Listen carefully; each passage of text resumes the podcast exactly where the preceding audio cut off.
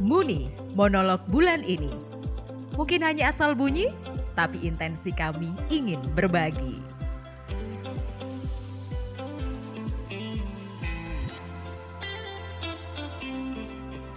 Halo, aku Vera. Pengalaman misa, salah satu pengalaman misa yang berkesan adalah ketika uh, satu hari Minggu itu aku misa di Gereja Katolik Hati Kudus Yesus Surabaya, Katedral Surabaya.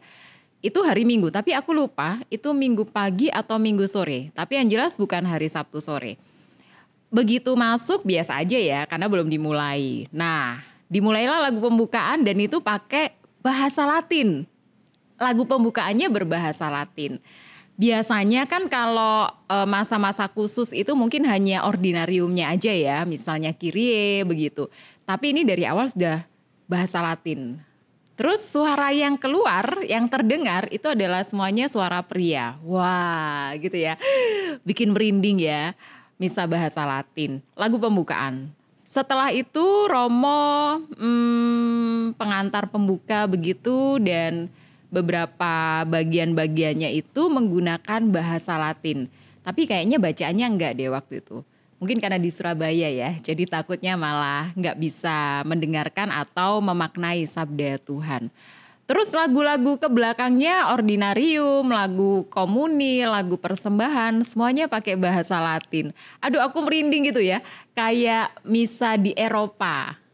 Gaya banget ya, berasa kayak pernah ke Eropa. Enggak ya, kayak yang ditonton di TV-TV itu.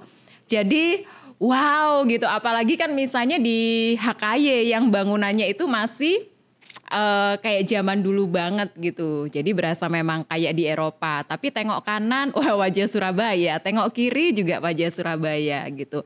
Itu adalah salah satu misa yang berkesan bagiku.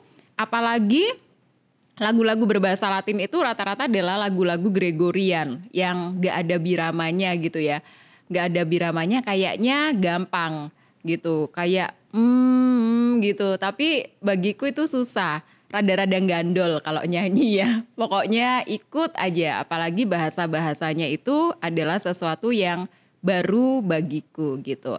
Uh, setelah itu aku baru tahu karena ternyata di katedral itu memang minggu kelima kalau tidak salah. Itu ada salah satu misa yang memang menggunakan bahasa Latin. Itu sebelum pandemi sih sebelum pandemi. Udah lama banget. Semoga setelah ini akan ada lagi karena itu seperti apa ya bagiku itu menambah kebanggaanku sebagai orang Katolik bahwa gereja Katolik itu punya kekayaan berupa lagu-lagu yang itu bisa meneduhkan hati gitu. Tapi jangan setiap minggu pakai bahasa Latin. Aku bingung nyanyinya ya. Tetap aja uh, aku seneng kalau misa bahasa Indonesia tapi boleh sekali waktu menikmati misa bahasa Latin sebagai salah satu kekayaan gereja Katolik. Aku hanya bercerita, semoga suka.